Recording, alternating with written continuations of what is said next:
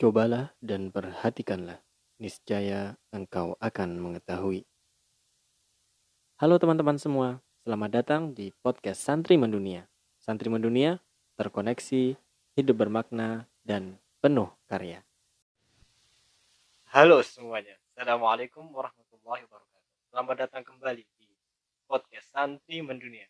Bersama saya Rido Gifari, mahasiswa dan juga santri di Islamic International Islamic University of Malaysia.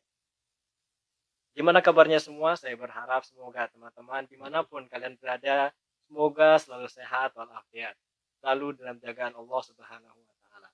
Walaupun di mana-mana corona merajalela, jangan sampai hati terus merana. Jangan lupa bahwa kita adalah hamba yang selalu beribadah kepadanya. Oke teman-teman semua, ada kabar gembira nih pada siang hari ini. Insya Allah saya Ridho Gifari akan ngobrol-ngobrol santai bersama tamu kita yang luar biasa istimewa.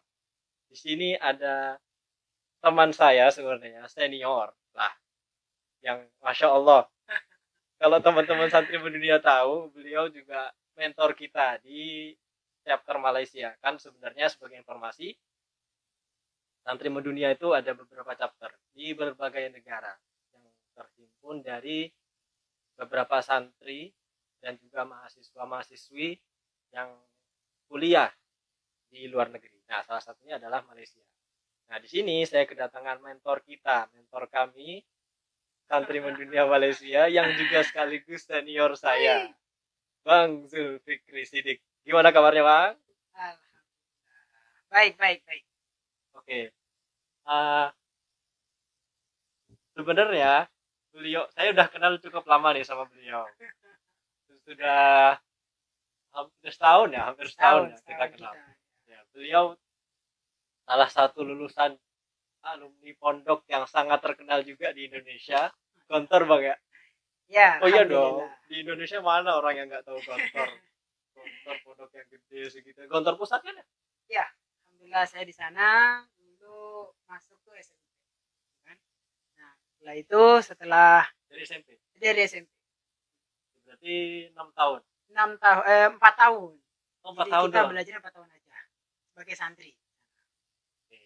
kalau biasanya sekolah biasa kan dari SMP kelas 1 SMP sampai kelas 3 SMP ah. terus SMA kelas 1 kelas 3 berarti kan enam tahun kalau yeah. kita biasa. Oh, kalau di Gontor iya. gimana? Ya itu memang ada dua ya dua okay. kategori.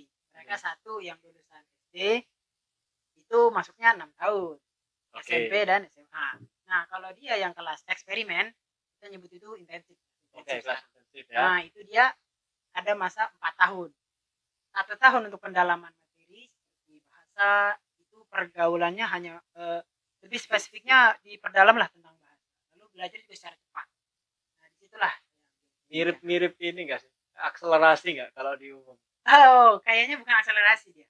Dia lebih kepada dipercepat pembelajaran. Iya ya, akselerasi kan juga gitu kan. Akselerasi kan hmm. SMP 2 tahun, SMA 2 tahun, ya total 4 tahun juga.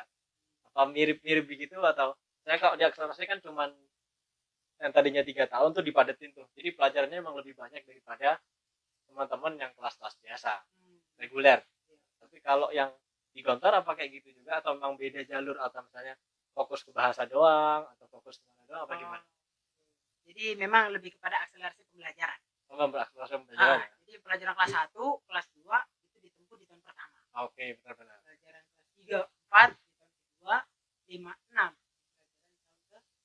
Ya, iya kan berarti sudah kita ketahuin bersama nih. Jadi nggak rugi, nggak salah kita jadikan beliau ini mentor gitu lah. Kelasnya intensif, akselerasi yang nggak bisa orang-orang kayak saya yang biasa-biasa ini masuk ke sana. Ada pengabdian juga bang ya? Iya, pengabdian dan alhamdulillah kita ambil satu pengabdian di sana dan kita lanjut lagi sampai S1. Oke. Kalau saya dengar nih yang saya tahu dari teman-teman yang lain ya, hmm. kan di kantor tuh ada sistem beasiswa, semacam beasiswa yang lanjut S1 tapi harus ngajar juga. Hmm. Apa antum ngambil gitu juga? Oh iya, betul. Jadi dia setelah pengabdian wajib ya, ya. tahun itu kan dibagi-bagi tuh. Ada yang pengabdian di satu, dua, tiga yang ada kampus unidanya Nah, di situ ada program tersebut. Bagi yang mau lanjut S1-nya, nah itu dia ya belajar kuliahnya sampai S1 lah. Tiga tahun, 4 tahun. lah. Oke. Berarti ngambil program itu? Iya. Kita ambil program itu tersebut lah. Oke. Kabar gembira untuk kita semua sekali lagi kita berkedatangan nih Mas Zulfikri. Sebenarnya dari mana sih tuh Bang? Jakarta ya? Apa dari mana? Oh, Asli, saya asli. asli, saya dari Jakarta. Betawi. Ibu bapak saya dari sana. Jakarta daerah mana nih? Eh di Jakarta Selatan, tepatnya di Pondok Pinang. Oh. Dekat UIN, Ciputat. Oh, Jaksel tuh daerah itu kan sekarang hype hype is anak-anak Jaksel kan anak-anak anak-anak gengsinya tinggi anak-anak nongki nongki gitu kan apa tuh gimana gimana bang anak Jaksel Oh, Jaksel ya. Kebetulan karena saya lebih banyak di luar Jakarta. nasib pondok bang Ah, perantau bang Mantap. Jadi saya pun ketika pulang itu kadang linglung. Nih kita mau berteman dengan yang mana?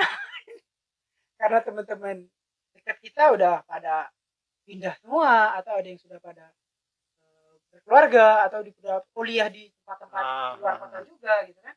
Nah, ini sih salah satu dilema anak-anak pondok juga ya. kayaknya ya di mana-mana ya anak pondok di mana-mana termasuk saya juga sih saya dari kecil di Jogja jadi begitu ke Malang pulang ya nggak ada teman-teman kecil-kecil yang dulu kita main sama-sama tuh udah nggak kenal karena memang lama di luar kan kalaupun kenal ya canggung gitu maksudnya karena udah lama nggak ketemu Ah, nah, anak punya trik nih. satu gimana trik. gimana gimana ini trik nih teman-teman harus dengerin semua nih trik dari Ustadz Zulfikri ini aneh punya sedikit trik ya. Ketika kita dulu nggak pernah ketemu nih, tiba-tiba kita ketemu lagi temen SD kita, temen TK kita, ketika kita pulang dari pondok kan. Nah, kita jajan contoh kan di suatu tempat, kita ketemu sama teman kita dulu. Kita kenal mukanya nih. Wih, ini muka kayaknya saya kenal nih. Tapi siapa namanya lupa gitu ya. Nah, saat itu saya beranikan diri untuk manggil nama dia. Ternyata bukan nama dia. nggak salah dong Ah iya. Tapi tapi bagaimana ya? Karena saya kita menjaga silaturahmi ya kan. Nah, saya kenal nih, dia juga kenal saya. Tapi kita bingung nih, mau mulai nyapa, ngomongin apa kan? Akhirnya ya udah saya panggil aja. Eh Gus, gimana apa kabar? Ternyata namanya bukan Agus. kalau gitu gimana dong Gini, tahu gak kenapa saya berbuat seperti itu? gimana gimana kenapa kenapa Nanti ketika kita sebut kita sebut Agus, nanti dia akan jawab Agus lagi. Ana Fahmi loh. Oh iya Fahmi. Eh, oh iya Ana Zul. Eh, jadi tanpa nggak sengaja kita membuat dia menyebutkan nama dia tanpa kita bertanya. Nah itu Ana Ana pernah coba sekali. Berhasil. Akhirnya kita jadi ngobrol pecah ada tuh kan. Oh, udah di mana sekarang? Gimana? Gimana kuliah? soalnya kalau saya lebih sering kayak kita sama-sama tahu kalau kita tuh temenan maksudnya kita sama-sama tahu kita pernah kenal cuma kadang saya sampai akhir obrolan panjang tuh kayak mau nanyain Nama. nama sungkan gitu kan kayak nggak "Uh, sombong banget sih Iya, nggak kenal iya, gue iya. lagi kayak gitu gitu sebenarnya jadi polemik tapi benar bisa dicoba treknya Ustaz Zulfikri ini oke kita tanya Ya, jadi beliau nih sama-sama ya sebenarnya gimana saya bilang di awal tadi ya beliau juga senior saya di UIA atau lebih dikenal mungkin di luar sana dengan IUM International ya Islamic University of Malaysia di jurusan fikih usul fikih ya Ya, saya di Fikih Husul Fik. Sekarang semester berapa Sekarang kita masuk semester 3. semester Nah. tiga oke berarti ngambil tesis ya Iya, sekarang lagi progres tesis. Alhamdulillah kemarin sudah defend juga. Mohon doanya nih semoga bisa selesai lah tahun ini ya. Amin, amin, amin, amin. Semoga lah. Sampai juga masih berjuang nih sampai lulus. Apalagi corona corona gini mau pulang juga galau, ya kan. Lebaran di sini lagi. Ini dia. Kalau di sini kita ya perlu yang namanya kuat-kuatan semangat ya. Harus betul-betul apa ya? eh, Jadi kalau di awal hari kita nggak mulai dengan energi gitu ya, ya akhirnya kita kan terbawa terbawa suasana. Tapi kalau kita punya energi nih, artinya kita mau gapai contoh kita mau gapai satu halaman gitu ya. Kadang kita nggak dapat loh sehalaman tuh, karena kita ngikutin alur aja. Tapi kalau kita buat eh, satu halu haluan itu kita buat ada energinya, jadi itu satu halaman. Jangan kan satu halaman, dua halaman bisa terkejar. Jadi energi itu penting. Benar, benar, benar. Apalagi kalau kayak nulis tesis-tesis gitu, kalau saya sih lebih banyak mut-mutan gitu. Kadang lagi semangat ya nulis kalau lagi gak ada semangat ya males-malesan gitu nggak tahu ya kalau saya kan dulu S1 skripsi ya Ah, oke, S1 iya, iya. S2 nih kayak udah ah, skripsi gue capek udah lah berhenti deh mending cari yang Oh, oke, Udah. oke. udah berdarah-darah nulis skripsi gitu masa iya baru di tesis lagi Ter- ternyata di sini ada pilihan uh, coursework only jadi kita nggak perlu ngambil tesis walaupun tetap ada research paper yang sejenis cuman mungkin nggak seketat tesis ya Bang. untuk teman-teman yang ngerjain skripsi ataupun lagi ngerjain tesisnya di luar sana apa pun yang kalian alami semoga cepat selesai deh target-targetnya. Semoga bisa cepat lulus amin. cepet-cepet beres urusannya bisa cepat kerja bisa cepat meminang dia yang di luar sana. Oh, wih, siapa tuh? Nggak tahu pak siapa tahu siapa yang dengerin aja. Oke. Berarti beliau S2 nih anak master semester 3 jurusan fikih usul fikih di UIA di International Islamic University of Malaysia. Atau ikut PPI nggak? Oh iya, kebetulan saya sempat ikut organisasi PP di tahun pertama ya. Nah, jadi sebagai mahasiswa pertama saat itu dan akhirnya memang yang pengen saya awal, awal awali itu kita sebagai pelajar khususnya ya harus banyak jaringan, banyak network ya. Di situ saya ikut kolaborasi ke berbagai eh, organisasi saya coba. Nah, jadi di awal-awal tuh betul-betul ada tiga empat kali ya yang saya ikutin. ikut apa aja tuh zaman berarti tahun pertama ya? Tahun pertama Tahun tahun lalu ya 2019 lah 19. pertama kali kita datang kan. Itu ada pendaftaran AMI ah AMI Oh, itu iya, iya. Association Muslim Indonesia. Indonesia di Kuala Lumpur. Nah itu kita coba ikut tuh. Ternyata benar. Kita ketemu ke orang-orang yang hebat-hebat loh. Oke mahasiswa juga atau? Ya mahasiswa Indonesia yang ada di Kuala Lumpur kampus-kampus Kuala Lumpur ya. Jadi nggak cuma di IUM aja dia ada di anak UM di UTM UTM Kuala Lumpur dan ada di mana itu eh EPU gitu ya Ya, pokoknya universitas di Malaysia lah ya. Tapi itu memang fokusnya ke mahasiswa aja atau kan ya sebagaimana kita tahu ya teman-teman tahu semua bahwa Malaysia itu mahasiswanya banyak sebenarnya, mahasiswa Indonesia-nya banyak, PPI-nya juga lumayan besar. Tapi eh, lebih banyak lagi pekerja-pekerja kan. TKI TKI kan jauh lebih banyak. Apakah Oh, memang maksudnya apakah AMI punya tujuan ke sana juga? Maksudnya nggak cuma merangkul teman-teman mahasiswa atau Hmm, ikut merangkul juga teman-teman yang baik, kerja di sini. Bagaimana kalau di AMI? Ah, di AMI itu dia lebih kepada mahasiswanya ya Oh, fokus mahasiswa ya? kaos mahasiswa aja jadi begini kenapa juga AMI dibentuk ini berawal dari keluh kesahnya mahasiswa kita Indonesia itu yang ada di kampus umum Oke. Nah, mereka itu ternyata kesulitan mendapatkan kegiatan-kegiatan yang sifatnya islami. Jadi mereka belajar di teknologi, mereka belajar IT, ya kan, mereka belajar komunikasi. Jadi yang mereka bahas tuh umumnya. Nah, ibarat kata kalau kita SMA dulu ya, mungkin kita juga di pondok punya organisasi. Di SMA kan ada rohis. Nah, itu ibaratnya kalau PPI juga kan OSIS ya, PPI OSIS. Ya, mirip-mirip mirip ya. ya, Ya, Nah, mirip-mirip karena itu ya. agak apa ya yang muslim ada non muslim juga ada nah Ya, ami ini khusus muslimnya ibaratnya ami itu adalah rohisnya PPI gitu Oh, berarti akan tapi kan tapi bukan part of PPI kan? Maksudnya bukan dia di luar itu kan. Karena setahu Ah. saya memang PPI pun ada bagian keagamaan walaupun Ah. sekali lagi karena memang PPI isinya bukan cuman orang-orang muslim aja. Jadi ya memang bagian keagamaan pun mungkin juga fokusnya gak ke Islam aja kan. Kalau mungkin di AMI karena dia di luar PPI lebih bebas dalam merangkul yang teman-teman muslim aja lebih Iya. fokus gitu ya. Ah, betul karena memang penggerak-penggeraknya anak-anak PPI juga PPI Oh. Malaysia iya jadi di situ kita kenal orang lagi oh iya ya oh ini anak PPI oh iya kan ada PPI Malaysia Iya, ada iya. PPI kampus kan? karena memang PPI kan emang ya itu kan mahasiswa di Indonesia kan mahasiswa Indonesia yang ada di Malaysia ya sebenarnya itu itu aja apalagi aktif juga. Ya itu itu aja. Ketemu sama ini lagi banget. ketemu sama ini lagi ketemu sama ini lagi. Tapi ya nggak apa-apa nggak ada masalah. Selama niat kita baik insya Allah semuanya al ajri indah Allah insya Allah. Makanya kita punya dapat pahala dari Allah subhanahu wa taala tapi tahu nggak? Dari situ ternyata kualitas-kualitasnya akan terbentuk. Ya benar benar, benar.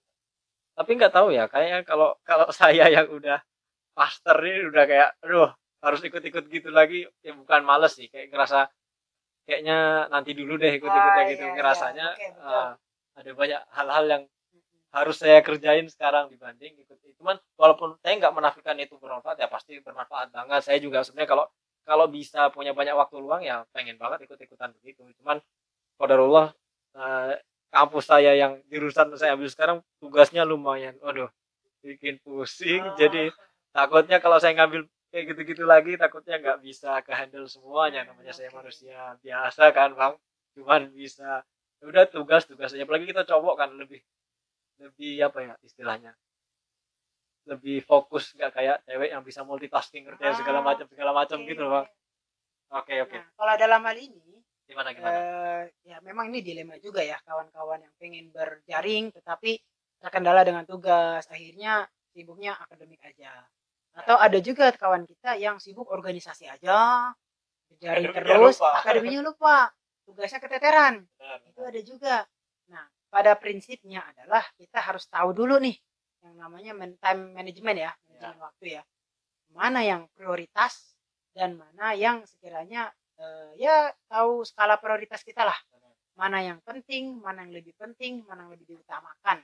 Kalau kita udah bisa membedakan itu dengan tolak ukurnya adalah kapasitas kita. Nah, jadi prioritas dengan kapasitas kita. Kalau kapasitas kita nggak memungkinkan ya nggak usah ambil. Cukup sekali aja gitu kan. Tapi kalau kita kira mampu justru ketika kita ambil tanggung jawab yang besar Allah akan kasih kita kekuatan yang besar. Iya, nah tahu nggak begini? Pernah nggak nonton film Spiderman? Ya ya Spiderman. ya Spiderman. Begini saya ngambil satu ada satu prinsip dibilang gitu Spiderman yang mana nih bang? Kan Spiderman banyak. Oh iya Spiderman ya. Spiderman ada versi banyak, juga ya? Iya, ada versi. Spiderman yang keempat. Spiderman 4 berarti yang main yang aduh yang saya nggak kenal ya tokohnya juga. Saya juga karena di situ ada value-nya lah. Oke oke oke. Gimana gimana? Spiderman 4 yang mana? Sebenarnya saya juga lupa. Yang mana yang mana coba jadi dia itu dapat tanggung jawab ya. Dapat Oke. tanggung jawab karena dia adalah manusia manusia super ya kan? Hmm. manusia manusia super. Jadi dia karena dia memiliki kekuatan yang besar maka dia memiliki tanggung jawab yang besar. Oke benar benar benar. Nah itu kan manusia super kan? Punya tanggung jawab yang besar karena punya kekuatan yang besar. Nah jadi kita sebagai manusia biasa ketika kita mengambil satu tanggung jawab yang besar ya tapi tahu nggak setelah itu Allah akan kasih kita kekuatan yang besar. Tapi kalau kita nggak berani nih untuk ngambil satu tanggung jawab yang besar ya kekuatan itu nggak akan datang ke kita. Nah percaya nggak? Kalau manusia super tadi dikasih kekuatan besar ya untuk mas apa tanggung jawab yang besar. Nah kalau kita manusia biasa ambil tanggung jawab yang besar setelah itu kita akan dikasih kekuatan yang besar. Percaya atau tidak orang yang banyak produktivitas itu karena banyak kesibukannya juga. Ya benar benar. Bisa sehingga dia mengolah waktu mengolah tenaga mengolah emosi sehingga dia akan mana dulu nih harus diselesaikan? Nanti akan ketemu nanti jalannya. ya sebenarnya ya kalau dipikir-pikir ya ya benar. Maksudnya apalagi Allah menjanjikan kita la yukallifullahu nafsan illa usaha kan. Allah tuh pasti ngasih kita sesuatu yang memang harusnya kita tuh bisa kerjain gitu. Kalau nggak bisa kerjain insya Allah Allah nggak akan kasih kita yang kayak gitu benar-benar benar. apalagi teman-teman yang mahasiswa juga ya yang juga pengen menikah nih. Wah. Aduh, berat berat berat. Berat. kenapa juga begitu? Ada yang ragu kan dan pasti ada yang rasa belum tapi tahu nggak ternyata kalau kita ngambil tanggung jawab itu nggak usah ragu akan ada kekuatan yang besar Ya, benar, benar, benar. Insya Allah kalau niatnya baik semua. Jadi gini, kalau saya pernah baca kalau nggak salah atau dengar dari siapa begitu bahwa kalau ada dua kebaikan yang digabung nggak akan jadi mudorot. Gitu. Ah. Misalnya kan sekarang nikah sama belajar nih, organisasi sama belajar, kan dua-duanya itu baik ya. Hmm. Jadi nggak mungkin ketika kita menyatukan keduanya terus jadi mudorot terus jadi satu kecuali berarti ada yang kalaupun ada mudorot kalaupun Mhm. ada yang berarti ada sesuatu yang salah dengan eh, prinsip kita dengan hidup kita gitu Oke. berarti ada yang perlu dikoreksi gitu tahu ya. nggak semua Apa itu gimana? berawal dari cara kita merespon respon tentang apa nih ya respon apa saja respon apa yang terjadi jadi ibarat kata begini ketika kita ada negatif ada energi positif dan energi negatif kita tidak bisa mengendalikan itu secara bersamaan. Contoh kita ada kejadian apa ya? Tiba-tiba menimpa kita kan kita tergantung cara kita merespon itu kan? Baik itu positif atau negatif. Dan Ya. tahu nggak kita berhak untuk memilih yang mana nih? Kalau kita mengeluh aja itu kan negatif jadinya. Oke. kalau kita ambil positifnya artinya kita akan dapat energi ya kan? Karena kita mengambil itu sebagai berkah karunia kan. Nah, dalam ketika ini dua berdatangan, ini nggak bisa datang secara bersamaan. Jadi kitalah yang bisa mengendalikan mana yang mau kita respon nih. Contoh, kita kan kuliah kampus nih sekarang offline ya, eh online ya, sorry, online, online, online ya.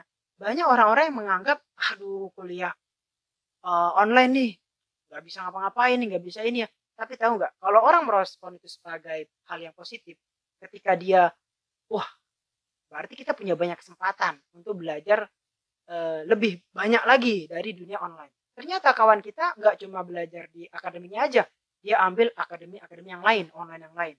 Dia ambil kursus uh, belajar editing video.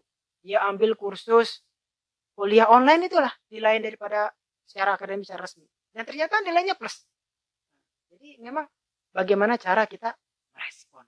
Ya mungkin ke lebih ke sudut pandang kali ya. Maksudnya kayak sebenarnya ada ya apa pun itu soal ada hikmahnya kan bang. Yang penting gimana kita merespon sesuatu itu penting gitu. Gimana ya jangan semuanya direspon negatif. Kalau kita negatif ah. terus ya jadinya ya iya, betul. hancur semua gitu ya. Apalagi udah respon negatif kawan kita datang ditambah negatif lagi. Wah teman-teman toksik tuh bahaya sih. Untuk teman-teman sana lebih baik jauh-jauhin deh.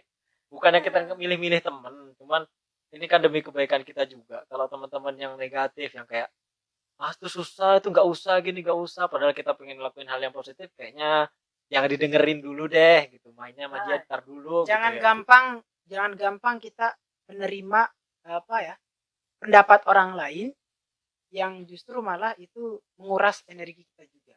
Benar benar benar, benar. oke oke. Kita lanjut ke pembahasan ini. Satu pembahasannya udah lama banget ini oke uh, tadi kita kembali lagi ke benang merahnya awal tadi kita ngomongin PPI jadi ternyata sebenarnya Bang Zul ini juga bagian dari PPI ya semoga teman-teman PPI di mana pun kalian berada PPI dunia PPI Malaysia ataupun PPI mana yang kalian mendengarkan semoga ini akan sesuatu kita bahas gitu.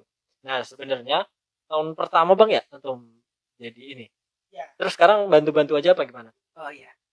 Uh, untuk tahun kedua ini ya memang karena mahasiswa master sedikit ya sana kan maksudnya yang terjun ke PBI ya, ya terjun PBI dan akhirnya ya sedikit sedikit aja sih kita diminta untuk bantuan sebagai tim penasehat oh. ataupun ngasih masukan sebagai ya tim support ya itulah support system lah. Kita bisa mendukung mereka karena saat ini juga kan PPI halangannya adalah semua kegiatan harus online. Yang sepatutnya dijalankan online ya semaksimal mungkin kita punya networking pembicara narasumber yang kaliber ya kita cari kita bantu. Kalau nggak salah di setiap tahun ada acara PPI apa tuh namanya untuk anak-anak baru ya? Oh ya betul. Ibaratnya kalau kampus IUM khususnya ya itu PP-nya punya inisiatif mengadakan agenda IUC Kata apa dari? IUC itu Islamic Understanding Course Sebenarnya kan sebenarnya nih kalau kalau dipikir-pikir nih kita rekam pada tanggal 14 Februari ya. Tanggal apa sih katanya Valentine entah entah apalah itu. Ini kita coba semua ya. Jadi nggak ada kayak gitu-gitu. Nah, sebenarnya kan kalau tanggal segini di sini kan sudah semester kedua, Bang. Ini sudah ya persiapan masuk semester 3 besok, Maret ya. Semester 2, semester 2 kan besok. Besok itu Oh iya, ini kalau kita ambil tergantung intake-nya ya. Iya, makanya kan untuk di luar sana. Kan kalau di sini kan kita setiap intake kan setiap semester ada intake ya. Ah. Tapi kalau misalnya di luar kan harus uh, kalau nggak salah harusnya ini masuk semester 2 ah, gitu. Semester tengah kan. Iya, iya betul. Dan ayus itu diadakan di intake genap. Apa? Ini kan berarti intake genap ya? Ah, di intake genap. Di bulan rencana sih di bulan April ini IUC eh, untuk informasi untuk teman-teman semua IUC cuman dilaksanakan ini salah satu inisiatif ya bentuk inisiatif dan juga kinerja program kerja dari PPI IOM sejak dulu. PPI IOM bukan PPI Malaysia ya kan? Karena kalau untuk uh, untuk informasi saja bahwa PPI itu dibagi banyak negara salah satunya PPI Malaysia. Nah PPI Malaysia juga memiliki banyak cabang di bawahnya berdasarkan universitasnya. Salah satu hmm. universitas yang banyak anak Indonesia adalah IUM ini atau UIA. Mahasiswanya Indonesia dan banyak santrinya.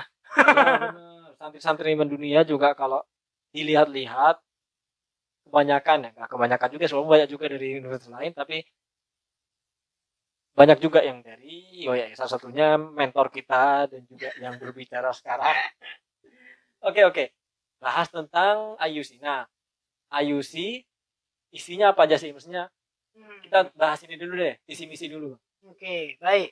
Ini penting sekali. Kenapa diadakan IUC? Karena awalnya ini memang sejarahnya ya dari leluhur-leluhur PPI itu memang mengkhawatirkan, mengkhawatirkannya bahwa kenapa? Karena IIM ini kan punya label Islamik, kampus ya internasional, Islamik, gitu. Islamik. Jadi Islamik itu menjadi label. Yang dikhawatirkan adalah mahasiswa yang Islamik ternyata enggak Islamik. Nah, di situlah di awal mula di, di, di tetap diberikan eh, identitas bahwa kamu itu mahasiswa dan kamu adalah seorang yang muslim. Nah, di dalam eh, di dalamnya itu ya ada ti- ada praktek kegiatan tentang eh, bagaimana ya intinya sih tentang bagaimana menjadi mahasiswa muslim yang baik.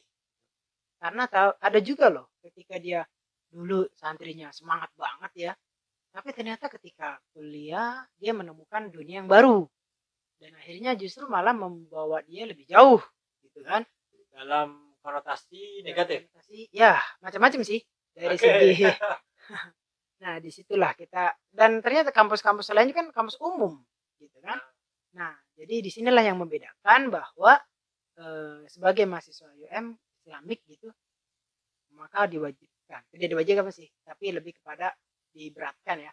Dan satu syarat juga sih itu untuk menjadi ketua PPI IAUM itu harus ikut IUC.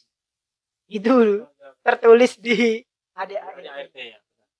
Eh, ya itu benar sih kalau saya lihat memang penting untuk bahas itu karena memang ya sekali lagi anak pondok ketika keluar dari pondok idealnya idealnya memang harusnya menanamkan tetap memegang teguh nilai-nilai Islam yang sudah dia pelajari selama bertahun-tahun di pondok. Akan tetapi memang kenyataannya nggak semua begitu. Namanya orang-orang namanya orang tuh ada macam-macam.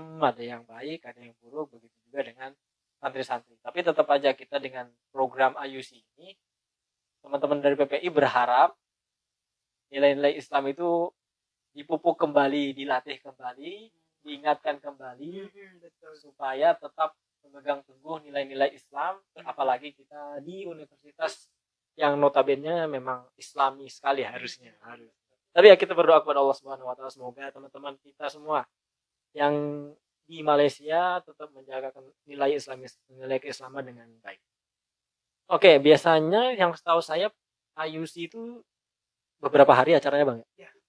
itu kita ambil waktu tiga hari ya. Iya, tiga hari. Jadi itu sempat nginep juga ya.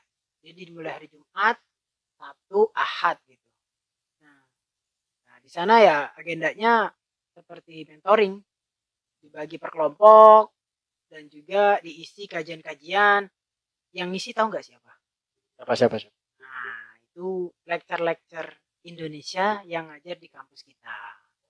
Nah, dan di sana dikenalin lah, kamu tuh eh, di IOM tuh belajar kayak gini loh. Nah, itu yang akan ngarahin adalah lecture kita. Nah, jadi kan lecturenya banyak ya, dari Ghana, dari Nigeria, dari Malaysia juga, dan dari mana-mana kan.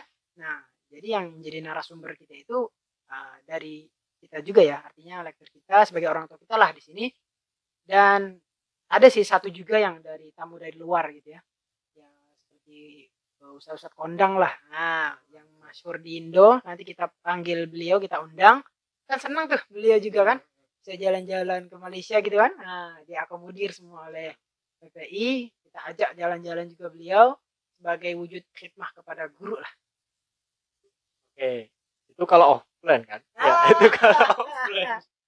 Masalahnya adalah Betul. sekarang keadaannya untuk teman-teman yang di luar sana, untuk informasi aja bahwa sekarang Malaysia itu termasuk yang ketat ya, kalau dibanding Indonesia khususnya.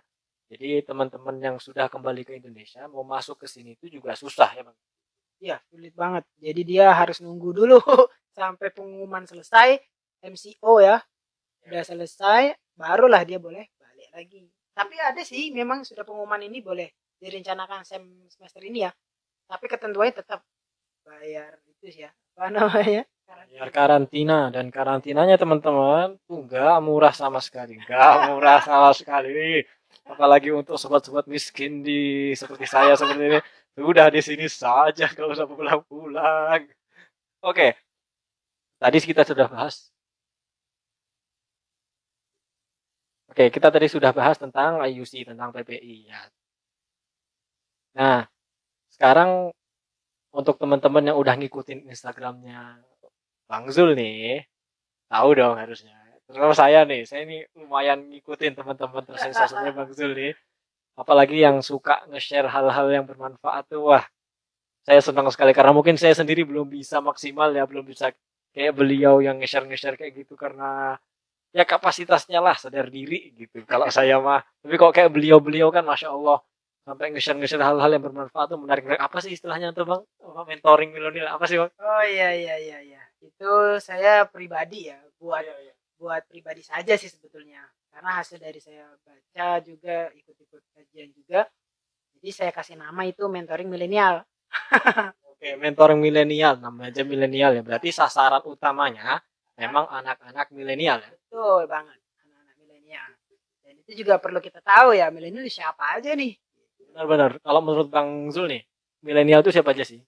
Nah ini dia milenial itu kalau kita lihat ya dari perkembangannya ternyata dia juga yang eh, sekarang ini kan sekarang sudah berkembangnya generasi kan. Sekarang kita kelahiran 2002 aja 2000 berapa nih? 2021 itu sudah masuk generasi alpha tuh. Nah kita generasi milenial itu di situ tertulisnya orang yang kelahiran tahun 1980-an ya sampai 1997 itu masuk kategori milenial. oh berarti yang 2000-an apa Nah, setelah itu baru dia masuk generasi Z. generasi Z. oke Setelah 98 gitu ya. Karena di situ dia udah nggak mengenal apa ya, udah mulai gadgetnya udah mulai masuk ya. Eh, eh, dalam arti kata ketika dia masuk dari masa remaja ya. Masa remaja dia nggak menemukan permainan-permainan Ah, iya, permainan-permainan permainan tradisional. Heeh. Dan dia permainannya sudah berada di gadget. Setelah generasi Z, post generasi Z. Post generasi Z muncul lagi generasi alpha. Nah, di situlah saya ngerasa kenapa saya buat kegiatan ini. Eh, jadi memang materi ini sangat penting gitu. Eh, artinya untuk mempersiapkan generasi yang akan datang. Dan, dan generasi yang dulu kan nggak sama pastinya dengan saat ini. Tantangan kita lebih banyak. Nah, ini sih beberapa materi-materi yang sekiranya penting. Teman-teman boleh follow Instagram saya. oke silakan bang silakan silakan promosi apa nih namanya Saya tulis Instagram saya Zulfikri OXF21. kenapa OXF nih bang kayaknya susah bener nih sebutnya Iya iya iya. Ini oh nanya ini ya tentang filosofinya. Kenapa Iya. namanya? kenapa harus OXF Waduh. Ini adalah pertanyaan yang keberapa ya? Ah, dulu saya juga ditanya sama murid saya dulu, kenapa? "Ustaz, kenapa namanya dulu? Kan karena saya belajar ngajar ya, akhirnya panggil. "Ustaz, kenapa namanya kok WXF? Oke, begini. Ceritanya adalah saya tuh aktif sekali di pramuka, oke ya kan? Akhirnya saya mempelajari sejarah pramuka dunia. Sejarah pramuka dunia saya lihat ya tahu sendiri kan artinya pencetus eh, apa Bapak Pandus dunia itu kan adalah Baden Powell. Robert Smith Baden Powell. Nah, saya pelajari itu biografinya kan. Biografi-biografinya ter ternyata beliau adalah lulusan Oxford. oke Ah, di situlah saya ter, saat itu ya. Jadi saya sudah lama. Nama OXM itu sudah lama sebetulnya. Saya tulis aja karena saya senang banget dengan kok dia bisa ya meng- apa membuat suatu kegiatan dan itu diadopsi dunia gitu. Maka saya kasih Zulfikri OXF. Tapi tahu nggak angka-angka ini gimana? Kan saya tulis ini. coba, coba. Oh. saya ini dulu ya Zulfikri kan nama antum nih bang ya Ya, terus OXF berarti dari kata Oxford ah, Oxford itu. oke terus Ah. angka terakhir nih Angka terakhir ini angka 21. Sebetulnya tiap tahun angka ini berubah. oh Iya. oh tiap tahun Tiap akhir tahun. tahun Tahu nggak? Tiap Oke. Januari berubah. Oke, Jadi oke. dulu ini saya buat itu OES 17. 2017. 2017 saya oke buat itu. Jadi OES 17. Agar apa? Agar semangat saya tetap berada bisa ke Oxford sampai tahun-tahun yang akan datang. Amin, amin, amin. tahun 2018 datang kan saya ganti Zul Fikri OXF 18 Tapi OXF tetap ya. tetap tetap ada dan orang-orang yang ngetek saya hilang lagi habis itu kan kan ada ya biasanya orang Iya, iya benar benar benar. Biasanya kan kalau di tag-tagan, eh, tapi masa hilang juga ya? Kalau ganti nama username, di tag-tagan hilang. maksudnya di tempat kan dia kan sekalinya ngetek oh, di komen maksudnya di caption caption Oh iya benar benar. benar. caption kan di ngetik nama Jadi nggak bisa di 17. begitu dicari di Begitu ketik dicari. situ. nggak ketemu nggak ketemu. Ah. nggak penting sih itu yang penting buat saya adalah semangatnya tetap ada Ah, benar benar. 2019 tahun 2019 saya rubah lagi 19. 19 2020 rubah lagi dan baru kemarin nih 2021 baru saya rubah Oke. Nah, untuk teman-teman sekali lagi monggo yang main Instagram ya pastilah yang main Instagram insya Allah ya. Kecuali anak-anak yang masya Allah yang yang takut fitnah Instagram tapi kalau udah megang Instagram Instagram kan bisa digunakan untuk manfaat juga banyak gitu. Nah, salah satunya ini akun yang bermanfaat banget. saya ini rekomendasi loh. Saya dari rekomendasi dari saya nih. Zulfikri OXF 21. Monggo nanti silahkan. depan dua-dua Oh iya, untuk sekarang ini dengernya masih panjang bang. 2021 masih panjang bang. Oke, eh, kembali lagi. Beliau sering bikin mentoring milenial dalam bentuk story sebenarnya ya, tapi dimasukin ke itu ya sorotan, ya itu saya masukin ke apa ini highlight ya. Ya, highlight. highlight story. Karena pengennya sih saya taruh di feed ya di Instagram feed. Oke. tapi karena saya lihat eh, eh, ya yang saya bisa dulu lah dimulai dari apa yang bisa akhirnya saya mulai di Ya, sebagai informasi untuk teman-teman semua, sebenarnya beliau tuh nggak cuma bikin satu dua kali ya mentoring milenial. Ada banyak sebenarnya hal-hal yang beliau share. Yang mungkin beliau baca buku, sesuatu buku atau ikut seminar apa yang bermanfaat. Nah, beliau semangat tuh dalam menyampaikan manfaat eh, yang bermanfaat itu ke orang lain gitu. Dia dapat hal-hal positif, pelajaran-pelajaran hidup baru. Nah, dia share lah itu dalam bentuk mentoring milenial. Sebenarnya ada beberapa kan Bang, salah satu yang menarik nih buat saya, mungkin beberapa saat yang lalu sih, tentang klasifikasi anak sekolah dulunya. Jadi misalnya ada kelas anak-anak anak A, ada anak-anak kelas B, dan anak-anak kelas C. Kalau nggak salah, gimana tuh bunyinya Bang? Kalau yang kalau nggak salah ya, ini seingat saya bahwa eh, kayak di luar sana itu ada anak-anak yang dulunya di sekolah kelompok A yang memang pinter-pinter, kelompok B yang ya tengah-tengah aja, sama yang C yang mungkin prestasi akademiknya di bawah lah, agak Ya. bawah gitu ya. Heeh, kalau nggak salah. Terus, terus apa itu yang dibahas antum waktu itu apa? Eh, ini sebetulnya berangkat dari keluh kesah ya. Keluh kesahnya itu kenapa orang-orang yang sudah prestasinya itu kon kalau dulu kita SMP, SD itu ada ranking ya. Ya, ya, ya benar-benar. Kan nggak ada ranking. Nah, eh, gimana orang-orang yang dulu peringkat satu terus, peringkat satu terus ternyata itu nggak menjamin seorang kesuksesan di luar. Kita kan tahu ya sukses itu kan banyak ide definisinya kan. Menurut orang juga beda-beda kan. Tapi di sini memang lebih kepada eh, secara freedom finansial, gitu. financial freedom. Artinya bahwa dia ternyata kita anggap sebagai orang lebih sukses. Kenapa? Jadi statementnya kayak gini. Ini sih saya ambil dari buku ya, buku yang cukup lumayan terkenal dari penulis eh, Bapak Finansial gitu ya. Karena beliau ini udah jadi rujukan rujukan para para pengusaha semua sih. Robert Kiyosaki, soalnya semua pasti tahu nih. Dia nulis tentang eh, why that student A work on student C and student B work for government. Oke. Coba diartiin deh, Pak. Siapa tahu teman-teman di sini ya kan Eh, nggak semuanya ngerti bahasa Inggris, Bang. maksudnya itu ya kenapa dulu ya seorang siswa yang nilainya A A A A, A terus nilainya A, A bagus ya A plus ternyata dia malah bekerja kepada orang yang dulu nilainya C. Ada Oke. orang yang lulusan SD contoh saja ya.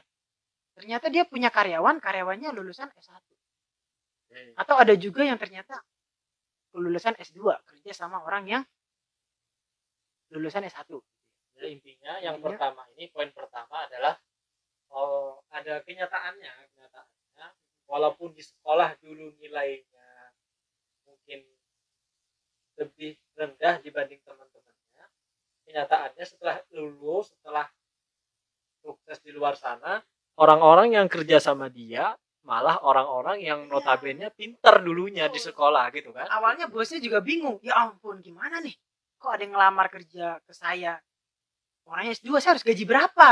Ya, padahal dia sendiri cuma lulusan SMP Ah. atau lulusan SMA yang yang sebenarnya secara akademis ya. Kita nggak ngomong pintar nggak pintar tapi secara akademis ya di bawahnya gitu kan. terus kemudian poin kedua? Poin keduanya dan student yang nilainya B itu dia mengambil posisi aman.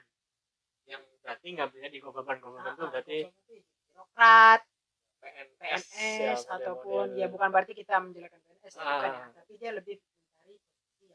Iya ini disclaimer ya di sini kita nggak ada yang menyalahkan maksudnya kenapa harusnya kelompok A nggak kayak gini kelompok kelompok C kok kayak gini kita nggak ada yang menyalahkan satu pihak mana pun cuman memang di dalam buku ini dijelaskan bahwasanya kenyataannya memang banyak sekali kejadian-kejadian yang seperti itu di sekeliling kita nah terus isu inilah yang diangkat sama beliau kenapa kok bisa jadi seperti ini kenapa kok orang-orang pinter malah di sekolah dulu ya sekali lagi kenapa orang-orang pinter di sekolah dulu malah kerjanya sama orang-orang yang sekolahnya nggak ya biasa-biasa aja gitu atau tercenderung di bawah malah kelas C lah kalau dalam itunya.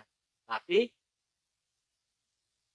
yang kelompok B juga kerjanya ngambil aman di government yang lebih ke flat flat aja Iya. yang penting hidupnya terjamin Ah. gitulah kerja sama kenegaraan mas sama Aman, negara ya. aman, aman, aman. Ya, nah, terus apa nih bang ternyata kenapa kok kok bisa jadi kayak gitu kok orang-orang harusnya kan secara logika logika dasar kita berpikir bahwasanya orang-orang pintar harusnya bisa sukses dong jadi misalnya gini kalau di sini kan kenyataan yang diang, isu yang diangkat adalah kenapa orang-orang yang akademisnya cenderung di bawah dulu nilainya C lah istilahnya kok malah jadi pemimpin jadi bos Hmm, sedangkan hmm. yang jadi karyawannya itu orang harusnya kan Betul. secara logika yang pintar yang di atas dong. harusnya secara logika orang-orang yang nilainya A Oke. itu yang punya perusahaan Baik. nah yang jadi C ini secara logika ya bukan berarti kita menutup ke orang-orang C nggak mungkin sukses enggak ini nyatanya nih kita ngangkat bahwa orang-orang C banyak yang bisa sukses gitu.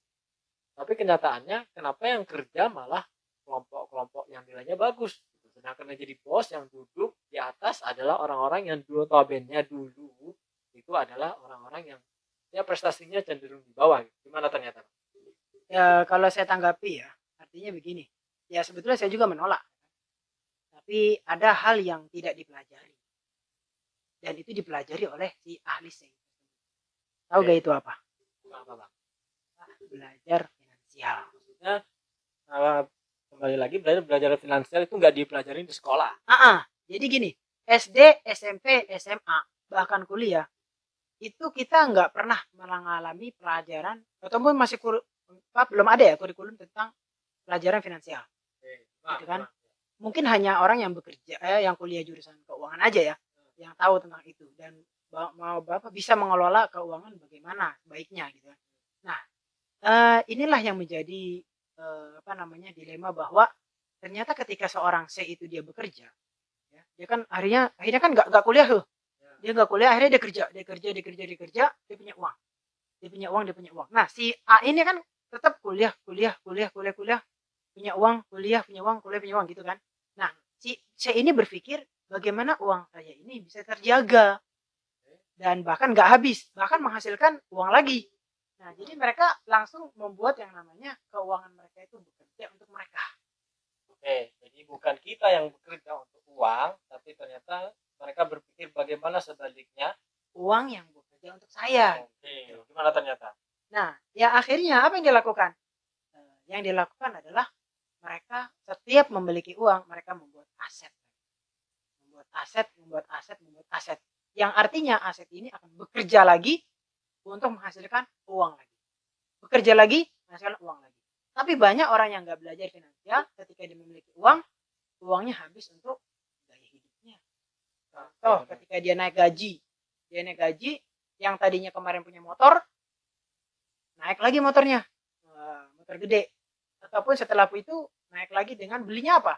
Rumah, belinya mobil.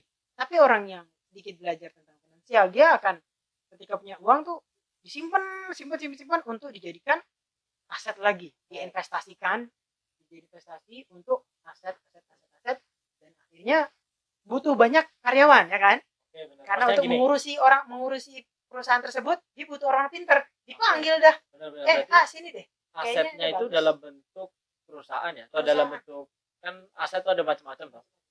Jadi nah kalau yang di sini konteksnya adalah yang tadi kelompok-kelompok yang dulu sekolahnya biasa-biasa aja, sekolahnya nggak tinggi-tinggi amat, itu bukan berarti nggak akan sukses.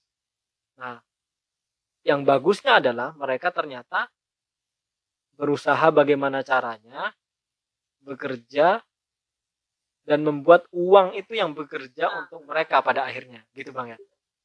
Jadi caranya adalah mereka bikin perusahaan yang menghasilkan uang yang mana untuk menjalankan usaha tersebut atau perusahaan tersebut orang yang pinter ah, butuh orang-orang yang pintar yang ternyata kelompok-kelompok kelas A zaman dulu. nah di situlah "Ih, saya ternyata lebih pintar dari Makanya Oh, iya, jangan iya. untuk teman-teman di luar sana maupun nilainya biasa-biasa aja atau dicap-cap gimana sama guru ya semoga nggak ada yang terjadi ya. Tapi kalaupun ada kalian jangan minder, kalian jangan sedih ya. Di mana pun lah ada banyak cara sukses gitu bang ya. karena ya jalan menuju Roma seribu gitu Ya ada banyak jalan menuju Roma. sekarang kita ganti Romanya Ke mana ke mana jadi? menuju Mekah Amin. Haji haji. iya karena ini harus diprioritasin juga nih Oke ternyata kita nggak kerasa nih bang. Udah lama banget ngomongnya. tadinya cuma pengen sebentar ngobrol santai-santai aja dan ini sudah masuk waktu asar juga. Mungkin ada satu patah dua patah kata untuk teman-teman semua. Nasihat semua dari bang Zulfikri. Silahkan bang. Oke, eh, teman-teman sekalian di mana pun antum berada, di mana pun posisi antum saat ini, eh, yang jelas adalah yang kita bicarakan pada siang hari ini adalah tentang bagaimana kita mengelola ya, mengelola diri kita, merencanakan masa depan. Nah, karena bagaimanapun kalau hidup tanpa arah dan tujuan, ya akhirnya nggak sampai-sampai, karena nggak tahu mana yang mau diarah. Dan juga ketika kita sudah memutuskan suatu perkara, kita harus tahu prioritas dengan sesuai kapasitas kita. Maka ada ajakan yang nggak sesuai dengan prioritas kita, ya tolak aja. Jangan segan-segan untuk menolak. Gitu. Karena kita sama-sama untuk membangun diri kan, bukan untuk menghancurkan diri. Maka pintar-pintar bergaul. Itu saja. oke terima kasih banyak kepada bang Zul atas waktunya atas materi-materinya atas kalimat-kalimatnya yang beliau sampaikan semoga apa yang beliau sampaikan pada kali ini bisa diresapi, bisa dipikirkan baik-baik, bisa didengarkan dan bisa bermanfaat untuk kita semua dan umat muslimin di luar sana. Amin ya rabbal alamin. Terima kasih banyak teman-teman semua. Semoga kalian di luar sana baik-baik saja. Syukran jazakumullah katsira. Barakallahu fikum. Saya Rudy Ghifari, mohon undur diri. Assalamualaikum warahmatullahi wabarakatuh. Santri mendunia, terkoneksi, hidup bermakna, dan penuh karya.